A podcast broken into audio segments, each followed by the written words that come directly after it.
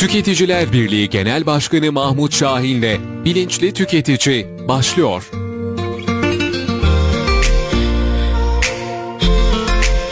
Değerli Radyo Radar dinleyicileri ve Kayser Radar takipçileri Bilinçli Tüketici programı ile karşınızdayız. Ben Bilge Nur Ülger. Tüketiciler Birliği Genel Başkanı Mahmut Şahin konuğum. Hoş geldiniz. Hoş bulduk Bilge. Nasılsınız? İyi sağ ol siz. Biz de iyiyiz. Sağ olun. Allah iyilik versin. Ee, araçlarda bir indirim konuşuluyor. %5, %10'luk bir indirim. Ee, bu kime? Bu indirim kime yapılıyor ve yansıyacak mı? Konutlardaki indirimle aynı aslında. TOKİ bu konutlarda indirimi yapar diye bir beklentiye girdik. Fakat olmadı. Tam tersi. TOKİ konutlardaki e, fiyat yükselişlerini meşru hale getirdi. Öyle fiyatlarla çıktı ki piyasaya. Fiyatlar düşmeyi bırak daha da yükselme noktasına geldi. Türkiye'de e, bir kontrol mekanizması sıkıntısı var. Yani bir ivmeyle bir hareket başlıyor. Yani bir zam yağmuru başlıyor. Sonra o zam yağmurun önüne geçilemiyor. Yani Çok iyi diyerek şey mi kastediyorsunuz şimdi e, peşin ödemelerde işte yüzde 25 yüzde şu kadar indirim yapıyor ya. Yok, yok, He, hepsini ödediğinizde. O çok e, az bir konuttan bahsediyoruz biz. Yani yıllardır e, 7-8 senedir 10 senedir ödeyen insanlara kalan borç için işte %25 indirim yapacağız tamamını öderseniz diye bir para toplama kampanyası var. Ama oradaki indirim de çok cüzi olmasına rağmen bu taraftaki bindirimle karşılanıp e, orada tolere ediliyor zaten. Ama bu çok mantıklı değil mi tüketici için? E, Yüzde Ya, 25 indirimle verip şimdi e, direkt tapusunu alması aylık aylık Şöyle ödemek bak yerine. o, o kişiler için tamam çok mantıklı, çok güzel. Ama piyasayı siz genel için eğer yükseltirseniz e, 5-10 kişi bundan faydalanmış bir anlamı var mı? Yok tabii Ya yok. tabii yani genele faydasının olması lazım. O TOKİ kampanyaları yaparken dedik ki hani sosyal konut yaparsa 1 artı 1, 2 artı 1 şeklinde konutlar ve bunu sadece inşaat maliyetiyle sınırlandırıp satarsa piyasayı rahatlatır dedik. Fakat TOKİ ne yaptı? Zamlı fiyattan peşin fiyatla satmaya başladı. Bak zamlı şu an piyasada oturmuş zamlı fiyattan satmaya başladı. Bu bir avantaj değil ki. Hatta ben o zaman da söyledim bak hatırlarsan. Biz gideriz cebimize parayı koyarız. 850 bin liraya e, normal şartlarda bir daire alırız. Bir de hatta TOKİ'nin yaptığı değil bir müteahhidin yaptığı bir daire 850 bin lira verir alır otururuz içine. Fakat TOKİ diyor ki bana 850 bin lira ver. iki sene sonra sana daireyi vereceğim. Ama o da 850 bin liraya peşin istemiyor ki. peşin istiyor. Hayır. Peşin Yoksa istiyor. nasıl ev sahibi olsun insanlar? Peşin istiyor. Ee, istek o. pro- Proje o. Yani iki kısım ev var. Ee, bir 90 metre, bir işte 100 metre diyelim. İşte birine e, 600 küsür bin lira peşin veriyorsun. Birine 800 küsür bin lira peşin veriyorsun. Eğer peşin veremezsen bir kısmını e, peşin verip geriye kalanı aylık taksitler halinde ve her 6 ayda bir memur zammına... Peşin derken %10 kastetmiyoruz değil mi? Direkt peşin ev mi satıyor? Tabii canım. 850 bin Tabii lira. tabii. Sonra borcun kalmıyor. 850 bini veriyorsun. İki sene sonra daire alırken bir borcun kalmıyor senin. Taksit taksit ödeme olmuyor. Yani böyle satış yaptı TOKİ. E bu ne oldu? Piyasa dedi ki zaten o zaman müteahhitler satanlar. E biz de böyle satıyoruz zaten. Yani ne farkı var ki? Hatta biz peşin hemen veriyoruz evi. Parayı alıyoruz evi veriyoruz dedi. Evet. TOKİ'nin de iki sene sonra. O da çıkarsa kurada. Biterse oradaki Bir de mesela. zaten evler merkezde falan da değil. Bak e, yani ne yaptı o zaman biliyor musun TOKİ? Normal şartlardaki kalitenin daha altında evleri normal şartlardaki evlerin fiyatına iki sene sonra, dört sene sonra vererek piyasayı daha da yükseltti. Böyle oldu. Yani bu insanlara yaramadı. Yani o kampanya. Çok gürültüsü yapıldı, çok reklamı yapıldı ama hiçbir faydası olmadı. Tam tersi zamlar meşru hale geldi ve piyasa oturdu. Düşebilecekken tam tersi oturdu ve yükselmeye doğru devam ediyor. Araçlarda da aynı şey var. Şimdi bir matrah dediğimiz işte bir indirim bedeli, ÖTV falan onu düşüreceğiz, yükselteceğiz vesaire. Şimdi oradan e, araçlarda yüzde beş ile yüzde on altı arasında bir indirim gerçekleşecek dendi. Fakat bu araçları satacak olan kimler? Bayiler değil mi? Galeriler. Evet. Bu araçları satmıyorlar. Evet elimizde yok. Şimdi bak yani Stoğumuzda aslında yok. devlet bir e, uygulama başlatıyor, bir karar veriyor. Fakat karşısındaki mekanizma devlete meydan okuyor. Sen ne dersen de diyor. Satmam, üretmem. Bak sen öyle kafana göre indirim yapma. Hatırlarsan bu KDV indirimine hmm, gıdalarda %8'den 1'e düşürülmüştü. Evet. Dedi ki tamam ha gıdalarda bir %7 indirim olacak. Öyle dendi değil mi? Beklenti oydu çünkü. Fakat ne oldu? Daha çok arttı. Hiçbir indirim olmadı bak. Artışını boş ver bir kenara koy. Hiçbir indirim gerçekleşmedi. Nasıl oldu? KDV 1'e düştü. Fakat fiyat etiketi aynı kaldı. Bu ne demek oldu? Marketin cebine %7 fazladan girmiş oldu. Devlet KDV gelirinden zarar etti. Bak gelirinden zarar etti. Fakat marketler %7 kar etti.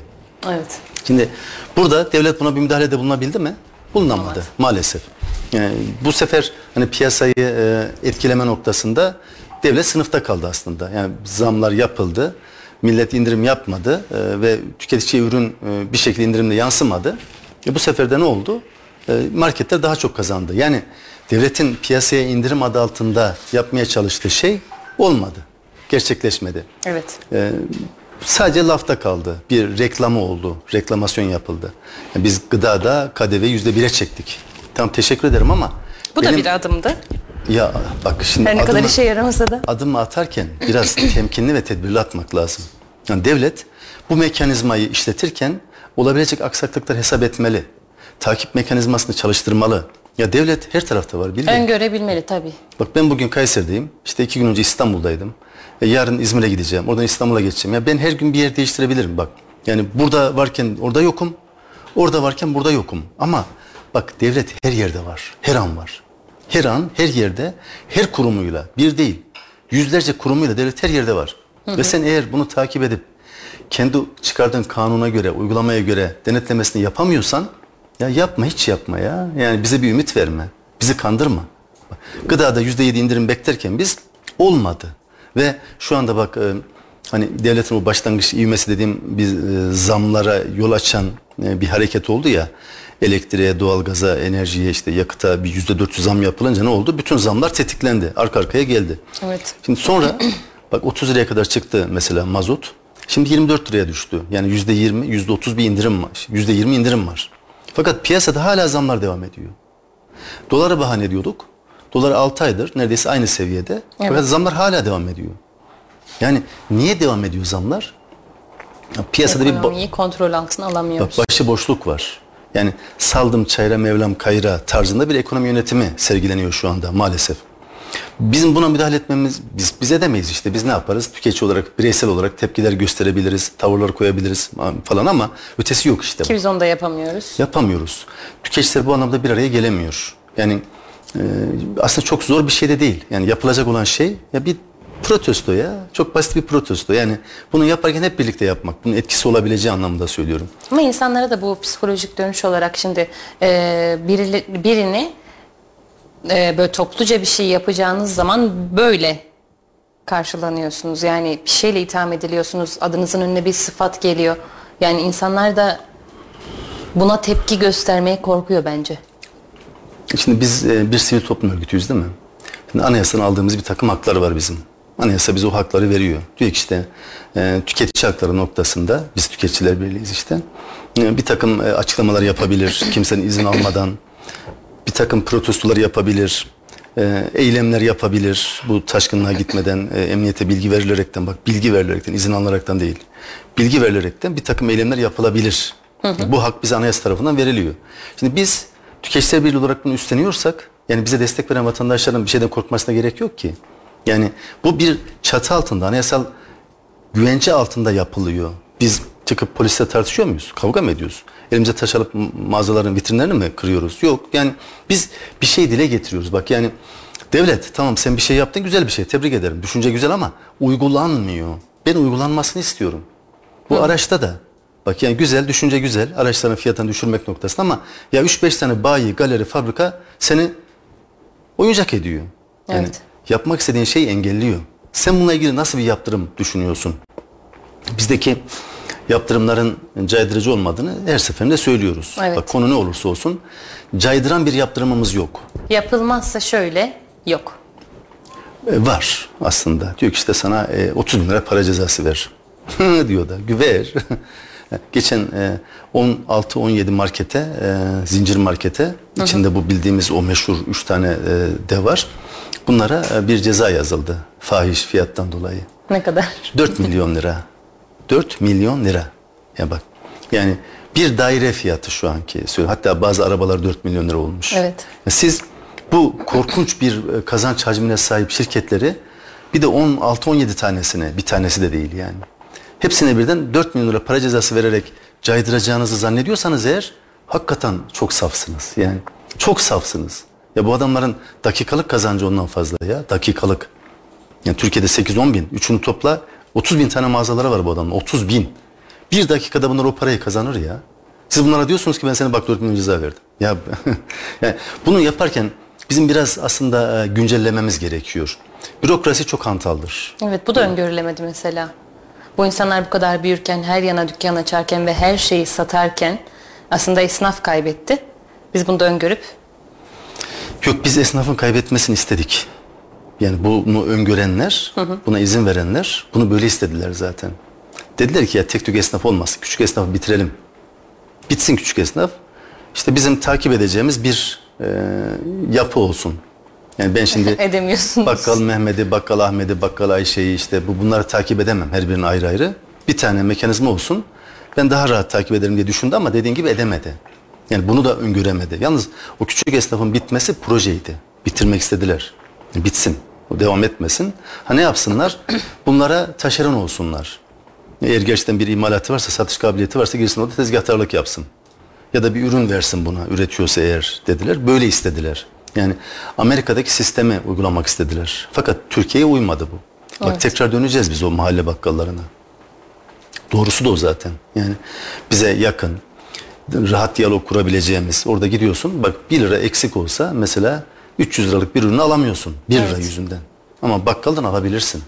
Bak yani o diyaloğu kurabilirsin.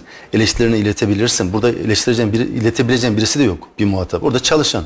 Vallahi yukarıya söyleyin diyor. O da bilmiyor yani. Şimdi bizim bu mahallemizde de var. He. Sabiye'de de var. Osman amca var bakkal.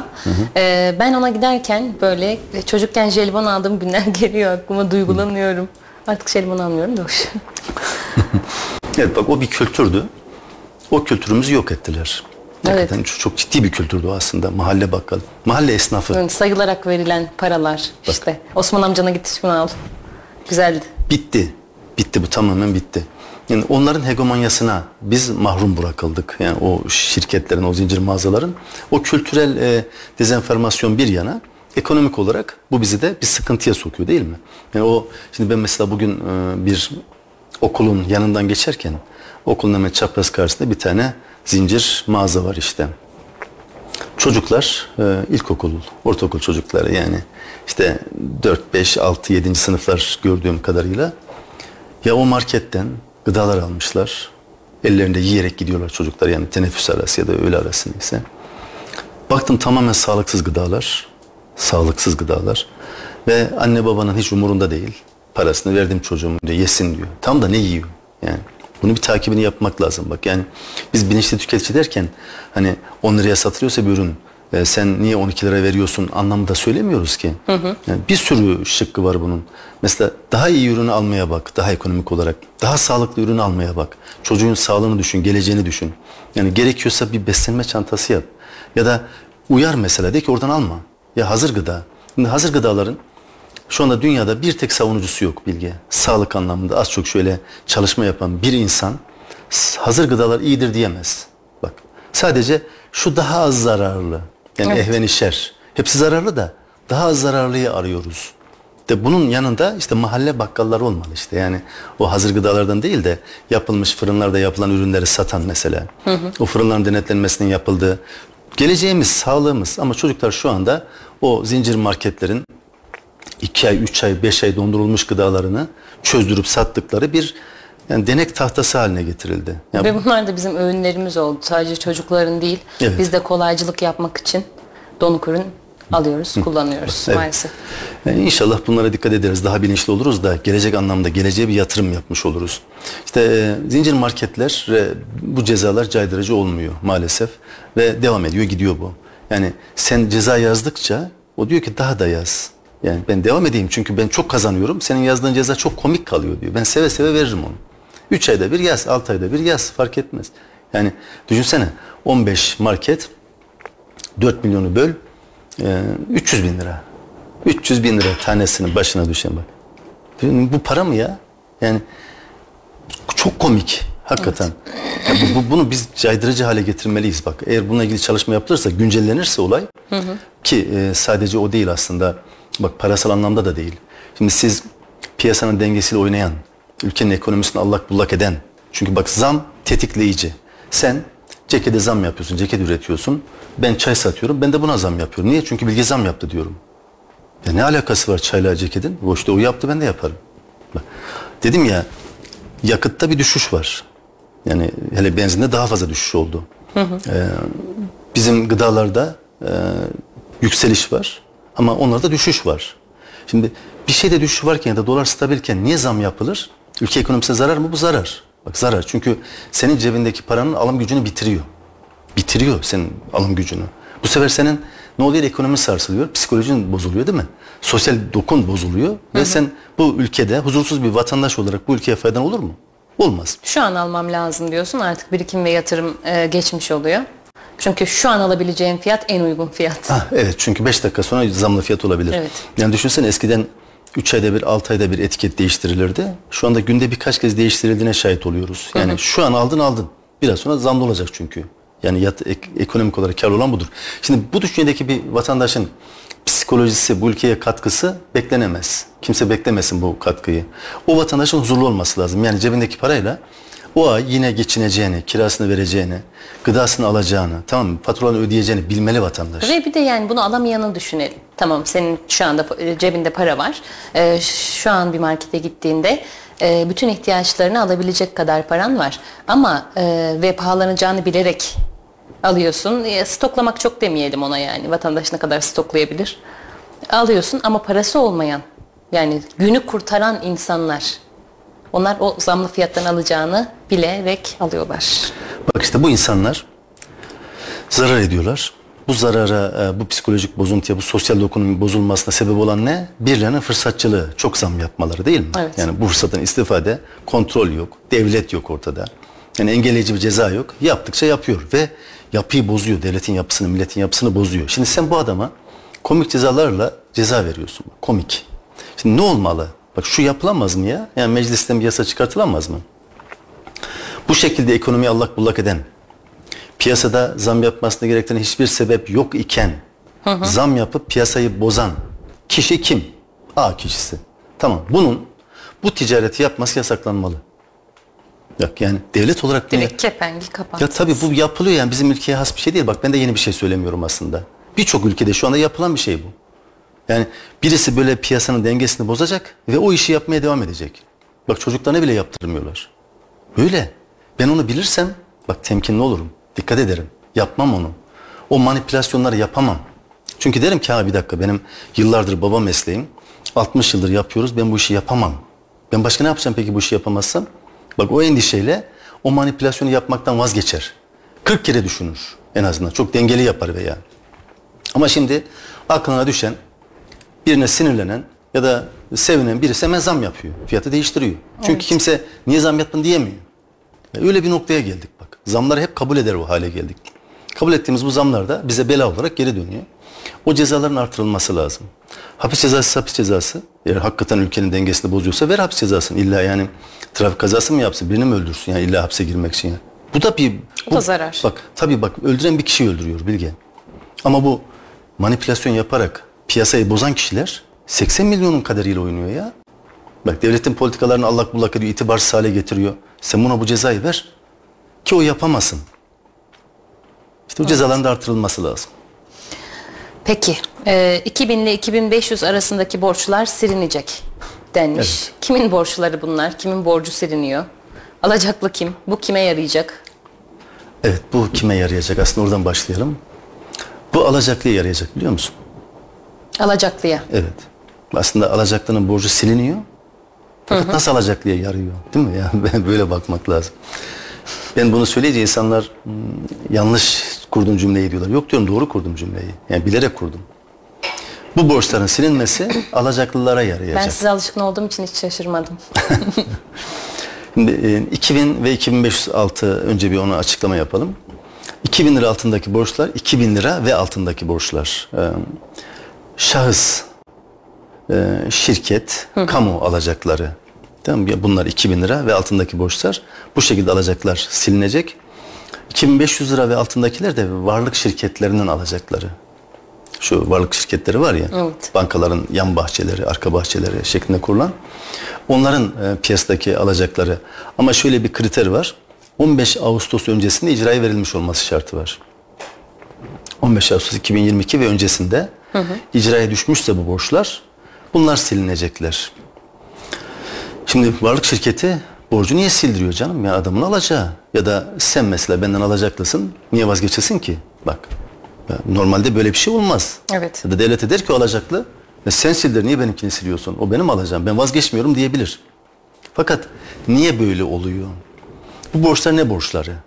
Sayın. Şimdi 2000 liranın altında mesela bir araba borcu olabilir mi?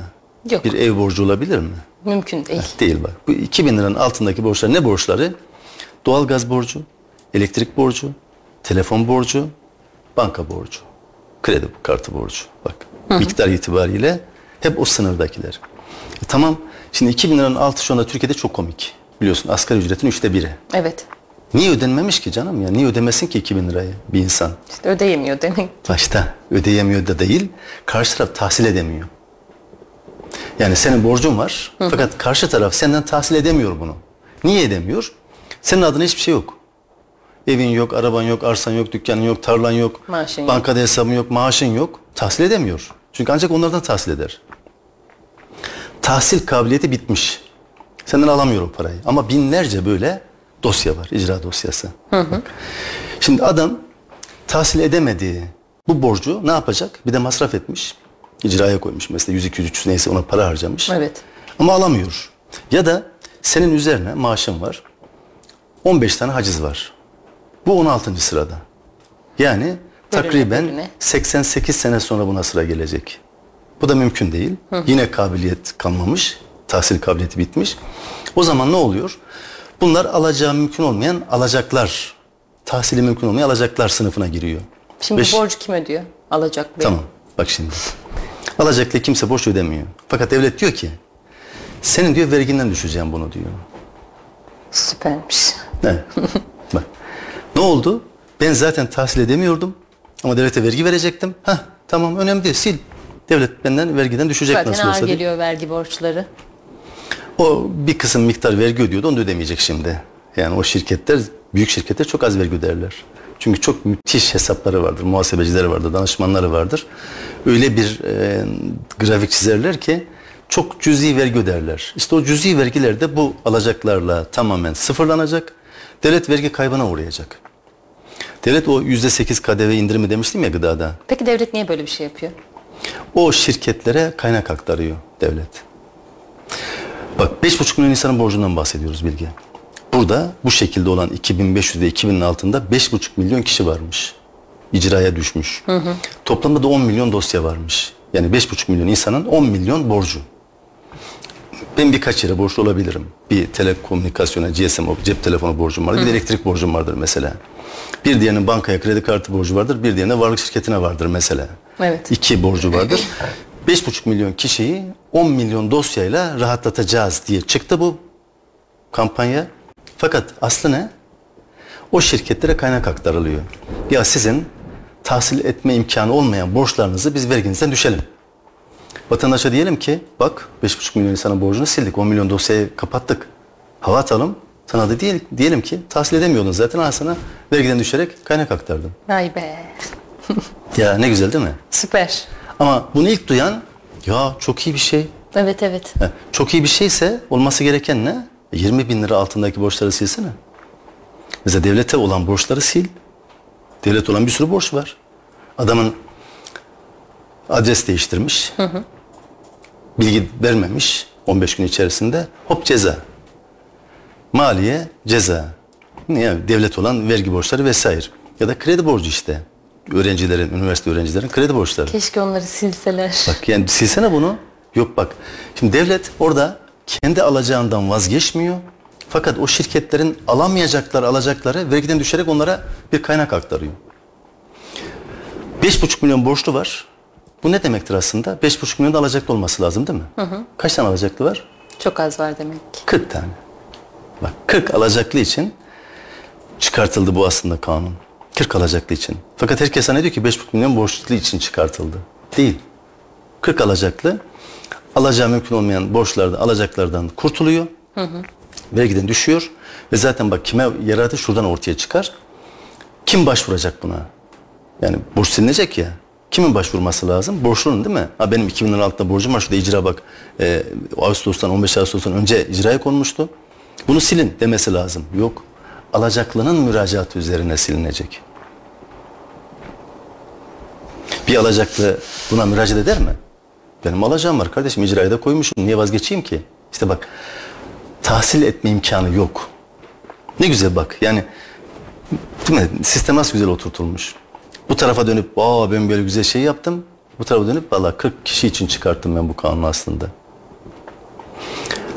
Müracaat için hmm, normalde bir Aralık e, da başlıyor. Alacaklılar gidip icra dairelerine ki ben feragat ediyorum. Yani Bilge'den 1800 lira, Mahmut Şahin'den e, 1995 lira alacağım var. Ben bundan feragat ediyorum diyecek. Ve borcu orada dosya kapanacak. Devlet de o feragat etme dilekçesini alıp vergisinden düşürecek. Burada değil ki mesela benim 3000 lira borcum var. 3000 de alamıyor. Ve gidip o diyecek ki ben 2000 liradan feragat ediyorum. Geri kalan 1000 lirayı da takip etmiyorum. Bak 2000'i bir kere vergiden düşürecek. O 1000'i de zaten alamıyor vazgeçecek. Yani toplam... Yani üstünde mi kapsıyor? Tabii tabii. Bak şöyle şöyle 2000'e kapsıyor. kadar kapsıyor. 2000'e kadar kapsıyor. Yani 2000 küsur olanları da onlar kapsatıp sil diyecekler. Fakat 2000 lira vergiden düşecek. Üstünü kendi takip etmeyecek. Çünkü zaten alamıyor.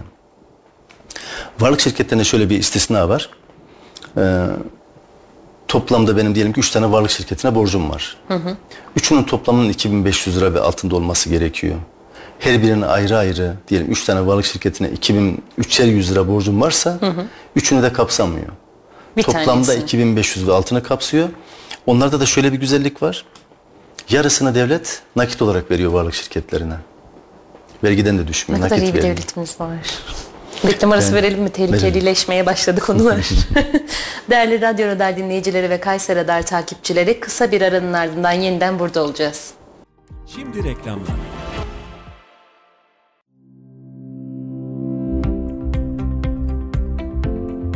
SMT Otomotiv 7 gün 24 saat kaza müdahale ekibi ve çekici hizmetiyle her zaman yanınızdayız. Tüm kaporta işlemleri, boya, mekanik, plastik tampon tamiri, şase düzeltme, pastacıyla, far parlatma, boya koruma ve daha fazlası SMT Otomotiv'de. Kasko ve sigorta anlaşmalı servisimizle hasar takip ve tespit hizmetleri hızlı ve güvenilir bir şekilde hizmetinizdedir. Adres Yeni Sanayi Şeker Kısmı 15. Sokak No 8 Kayseri. Telefon 0532 250 46 35.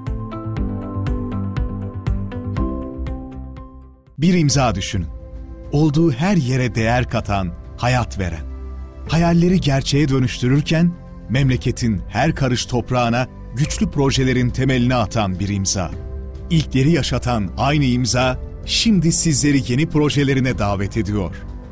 Bu imzayı tanıyorsunuz. Çünkü 5 yıldır olduğu her yerde farkını yaşıyorsunuz.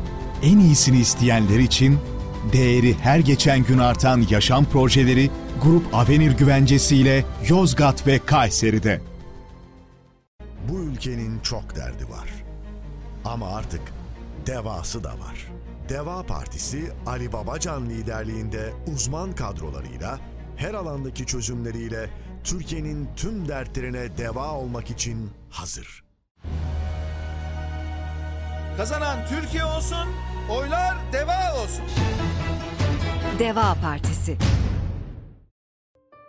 Umuda 5000 kaldı. Meliheymen ve Hasan Çınar'ın tedavilerini tamamlamak ve onları hayata tutundurmak için 5000 adet 5000 Türk lirasına ihtiyacımız kaldı. Sen olmadan bir eksiyiz. Umuda yolculuğa bir bilet de senden olsun. Kampanya irtibat 0352 336 2598 0543 799 3838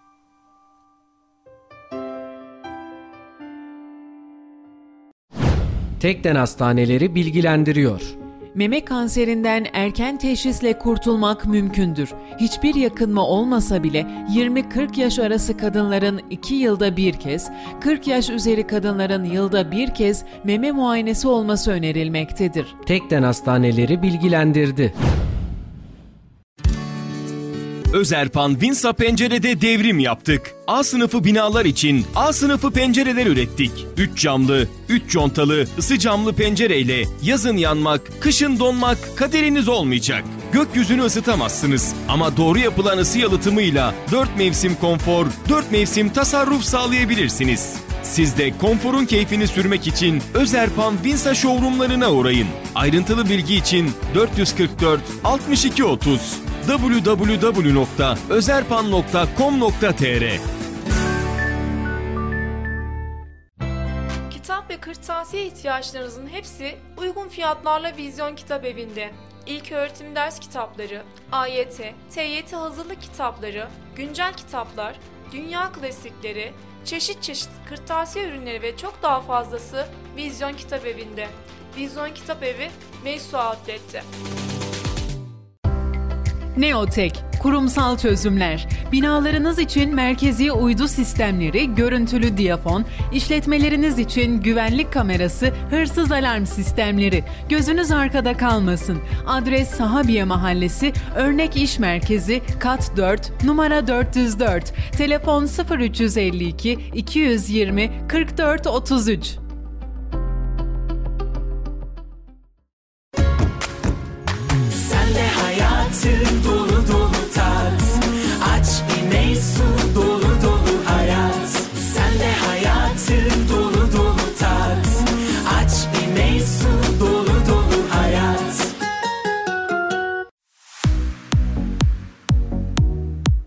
Şehrin markası Şehzade Grup 25. yılını kutluyor.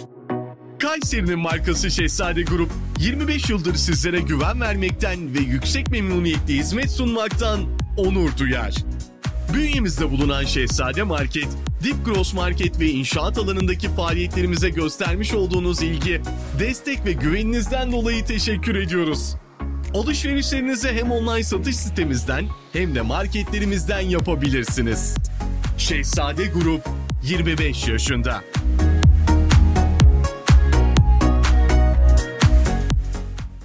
Stillers, Stillers. Süpürgem Stillers, meyve sıkacağım Stillers, semaverim Stillers, kıyma makinem Stillers.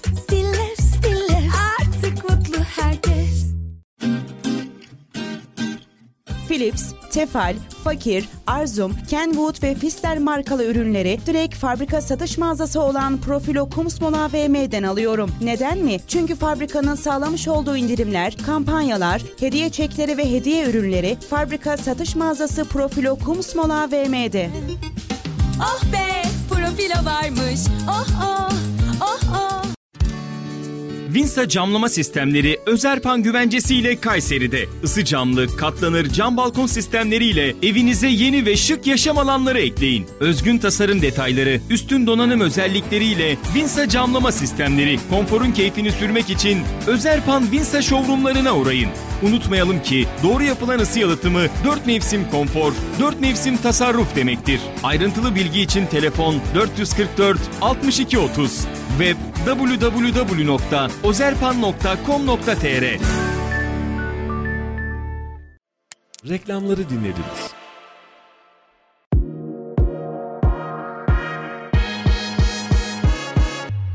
Bölgenin en çok dinlenen radyosunda kendi markanızı da duymak ve herkese duyurmak ister misiniz?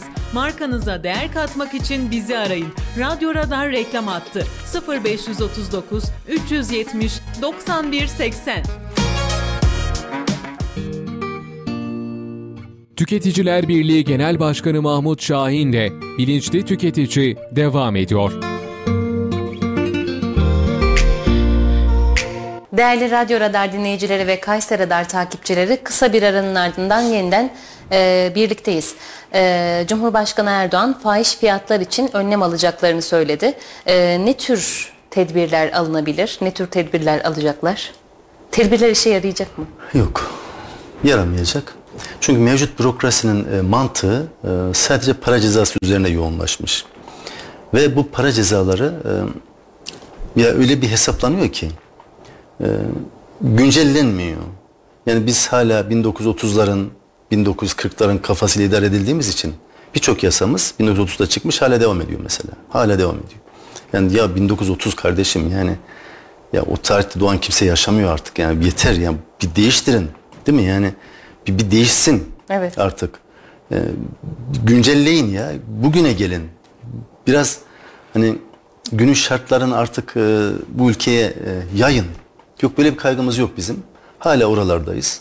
Mesela önceki e, ceza diyelim ki e, işte 10 lira. Diyor ki TÜİK verilerine göre e, nedir enflasyon? Yüzde 25. Tamam bu 10 liraya yüzde 25 koyarım ben diyor. Ya o 10 lira da komikti zaten. Tamam komikti.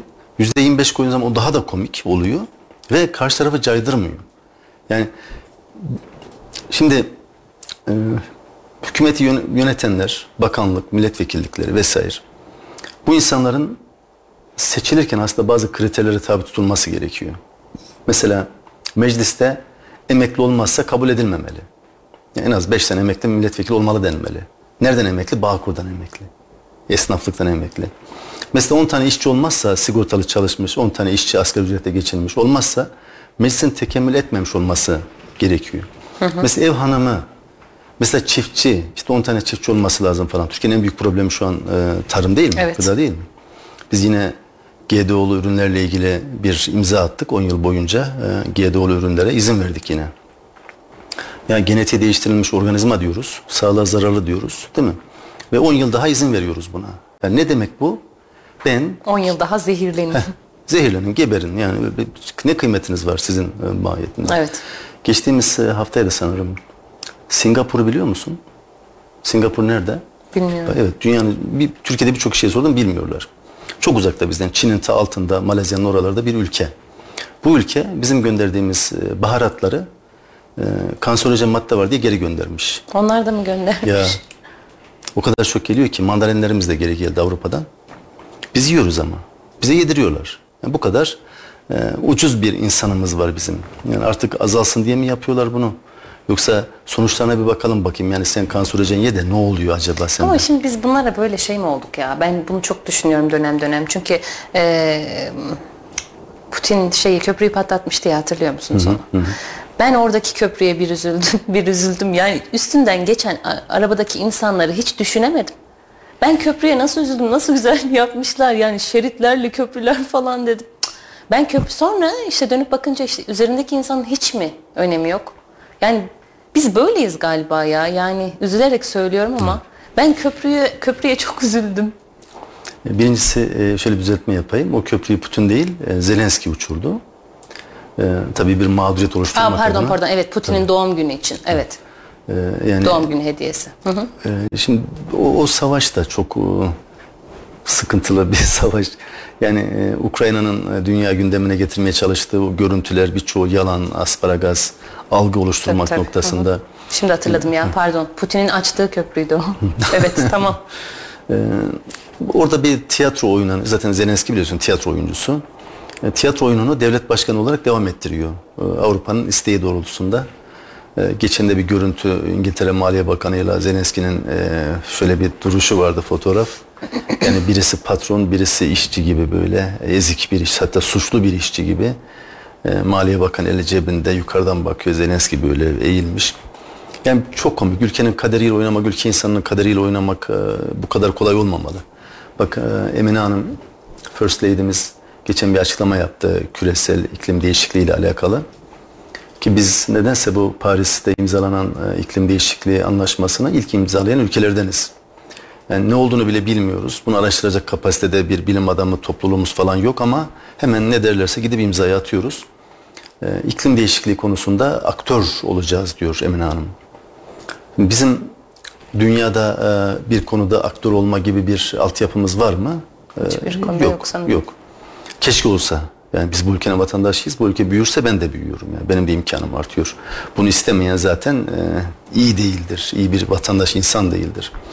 Ama biz niye birçok konuda aktör olmak varken, önde gitmek varken iklim değişikliği konusunda önde gidiyoruz? Niye? Ama iklim değişikliği önemsiz mi şimdi? Ya iklim değişikliği diye bir şey yok. Yani ne iklim değişikliği? Ne oluyor yani? Nasıl? Yıllarca, bak yıllarca e, 1970'lerde başlamış bir çalışma Hı hı. küresel anlamda dünya buzul çağına doğru gidiyordu ya. Buzul çağına. Yıllarca çalışmışlar, fonlar almışlar, açıklamalar yapmışlar, üniversitelere dersler vermişler, basında haberler çıkartmışlar. Hatta bununla ilgili filmler çevrilmiş. Evet. Ya bütün dünya e, buz tutarsa nasıl hayat devam eder şeklinde.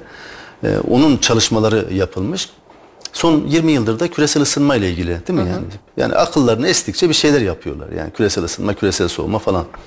Yani bir iklim değişikliği konusu ciddi anlamda yok. İklimler zaten e, dönen süreç içerisinde sürekli aynı şeyi tekrar edip duruyor. Bazen bir soğuyor hava, sonra ısınıyor, geçiyor değil mi? Bak bu sene kış ne kadar e, geç, şey yaz ne kadar geç geldi. 15-20 gün bir sıcak oldu. Hı hı. Sonra kışa girdik ama şu an kış mı? Bak ben böyle gezdim dışarıda. Şu şekilde. Evet. Yani düşün yani şu anda biz aralığa girdik neredeyse ya. Kar yağması lazım. Heh, bak ben şöyle gezemem. Paltosuz, pardösüsüz, işte kışlık ayakkabısız, mümkünse iç- içinde fanile falan. Öyle gitmek lazım ama yok bak şu an böyleyiz. İçlik falan. Ters mi oldu? Yanlış mı oldu? e, fanila deyince hani atlet değil de ekstra bir kalın koruyucu bir fanilalar olur ya. İçlik değil mi onun adı? İçlik mi oluyor? Evet. Ha, tamam. Yani fanila Siz değil. Kayserili değil misiniz? Yok. Ee, iklim değişikliği diye bir safsata yok. Yani gerçek anlamda yok. Bu tamamen uydurulan ve birilerinin bir şey yapmaya çalıştığı. Ama bu konu üzerinde çok fazla kişi bir şeyler yapmıyor mu? Nasıl yok?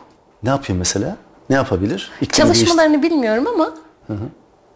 yani buna belirli şeyler sebep oluyor. Tamam belirli şeyler sebep oluyor. Ne yapacaklar engel olmak için? Mesela güneş ısısını azalttı. Ne yapacağız? Kömür mü atacağız güneşe? ya da e, ısısını artırdı.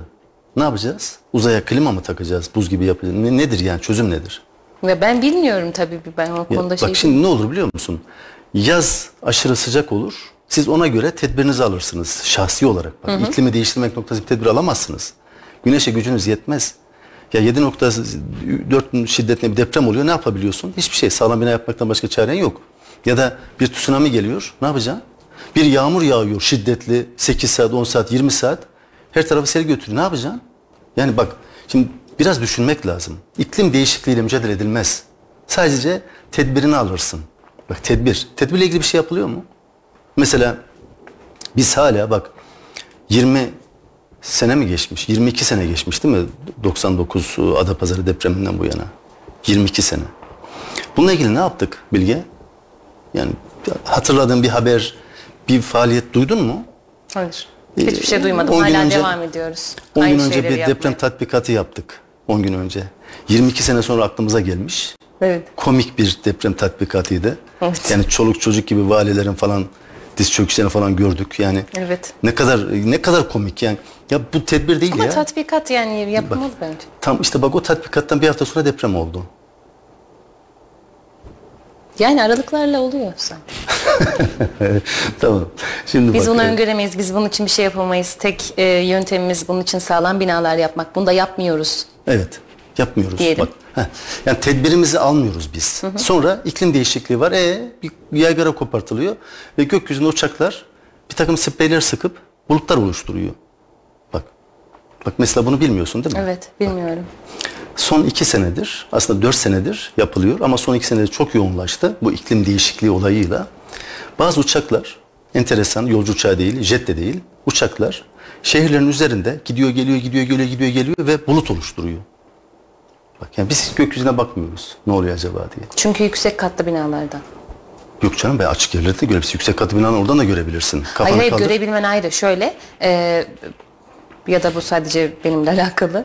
Yani ben daha gece kondu tipi 3-4 katlı evlerin olduğu yerlerde daha çok gökyüzüne bakıyorum ama çok katlıysa böyle Ha bakamıyorsun. Tamam daralıyorum. anladım. Tamam. yani güzel, evet ha. galiba benimle alakalı. Ben Türkiye'nin çeşitli yerlerinde bunun fotoğrafını da çektim. Videosunu da çektim.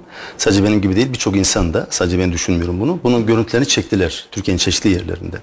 Şimdi bununla ilgili mesela devletin kurumlarına sorular sorduk. Dedik ki e, bunlar ne? Bu uçaklar ne uçağı? Kim uçuruyor bunları? O sıktıkları sprey ne? Yani ne sıkıyorlar? Yani ve hani bir gitmiyor uçak. Bir gitse anlarım yani bir iz olur. Yolcu uçağı gidiyordu işte yol üzerinde. Ya nereden gidecek falan dersin ama gidiyor, geliyor, gidiyor, geliyor. Sonra çapraz gidiyor, geliyor. Ve bir anda güneşle bağın kapanıyor. Bir şey sıkıyorlar. Yani bak iki senedir çok yapılıyor bu. Ne yapıyorlarmış? Cevap alamadık işte Bilge. Bak mesela bir şehirde soruyor İstanbul'da İstanbul valiliğine soruldu. Kayseri'de Kayseri valiliğine soruldu. İzmir'de İzmir valiliğine soruldu. Antalya'da Antalya valiliğine soruldu. Kimse bilmiyor. Bizim bilgimiz yok. Ya- Kimin bilgisi var? Evet Nereye bak soracağız? işte tamam ben de onu söylüyorum zaten. Şehirlerin yöneticileri bile o uçağın ne uçağı olduğunu bilmiyor. Devlete soruyorsun merkeze. Merkeze ne cevap gelmiyor? E şimdi bize bir şey denmesi lazım değil mi? Ya bu uçaklar şu uçağı. Ya şu. Şunu yapıyorlar. Oradan zemzem suyu sıkıyorlar. Parfüm sıkıyorlar. Niye yapıldığını bilmiyor musunuz? Ben biliyorum. Niye yapıyorlar? Ama bak şimdi bir dakika şimdi Ben merak Ben- ediyorum artık söyleyin.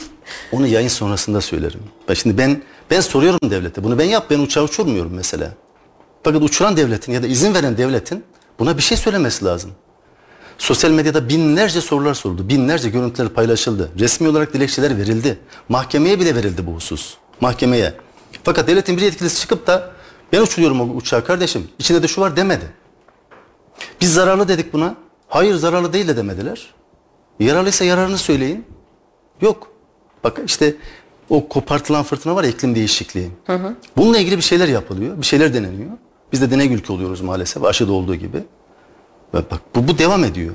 Ama niye insanlar rahatsız olmuyor bu durumdan? Ya benim tepemde uçaklar sprey sıkıyor. Sonra sebebi belli olmayan bir öksürük hastalığı peyda oluyor ortalıkta.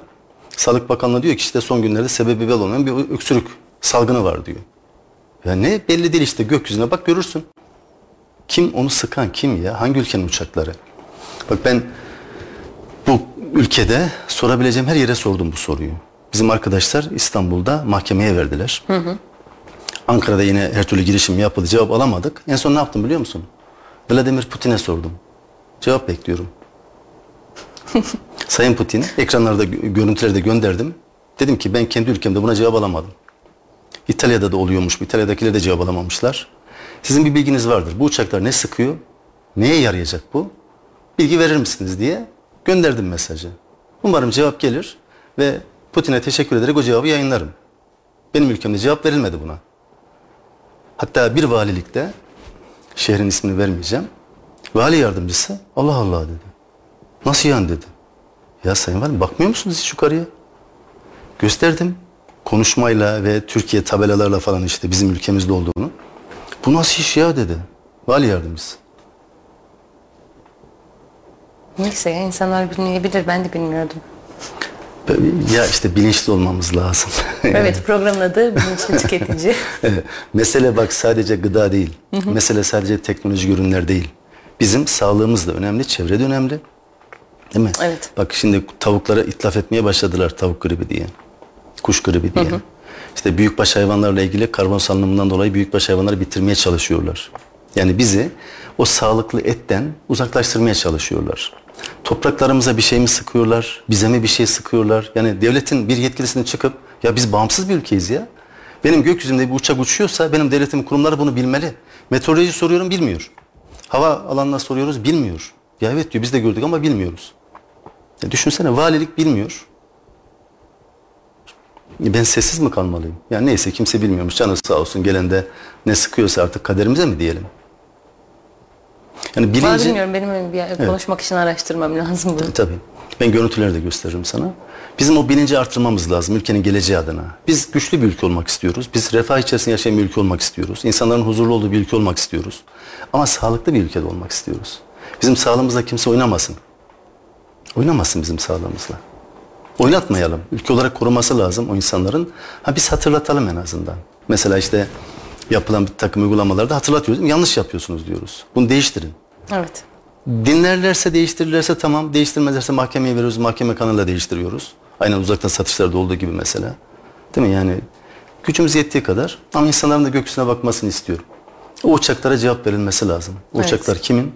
Niye vızır vızır gidip gidip gelip bir şeyleri böyle sıkıyorlar ve bulut oluşuyor? Bunun cevabına verilmesi lazım. Biz bağımsız bir ülkeyiz. Biz yapıyorsak bilelim ya. Çıksın bir yetkilisi evet ben yapıyorum. Şunun için yapıyorum desin. Ya da benim de haberim yok. Vuralım o uçakları desin. Jetleri kaldırın vurun. İHA SİHA ile vurun o uçakları. Kim bunlar? İçinde acaba pilotlar Türk mü? Yani bizim ülkemizin pilotları mı? Yani cevap istiyoruz ya. Çok zor değil herhalde değil mi? Evet ben de çok merak ettim. Eyvallah. Teşekkür ederim. Ben Ağzınıza teşekkür ederim. sağlık. Ben teşekkür ederim. Değerli Radyo Radar dinleyicileri ve Kayseri Radar takipçileri bu haftaki programımızın sonuna geldik. Ee, konuğum Tüketiciler Birliği Genel Başkanı Mahmut Şahin'e teşekkür ediyorum. Ee, bir sonraki haftaya kadar sağlıcakla kalın. Tekrar görüşünceye dek hoşçakalın diyorum. Tüketiciler Birliği Genel Başkanı Mahmut Şahin'le Bilinçli Tüketici sona erdi.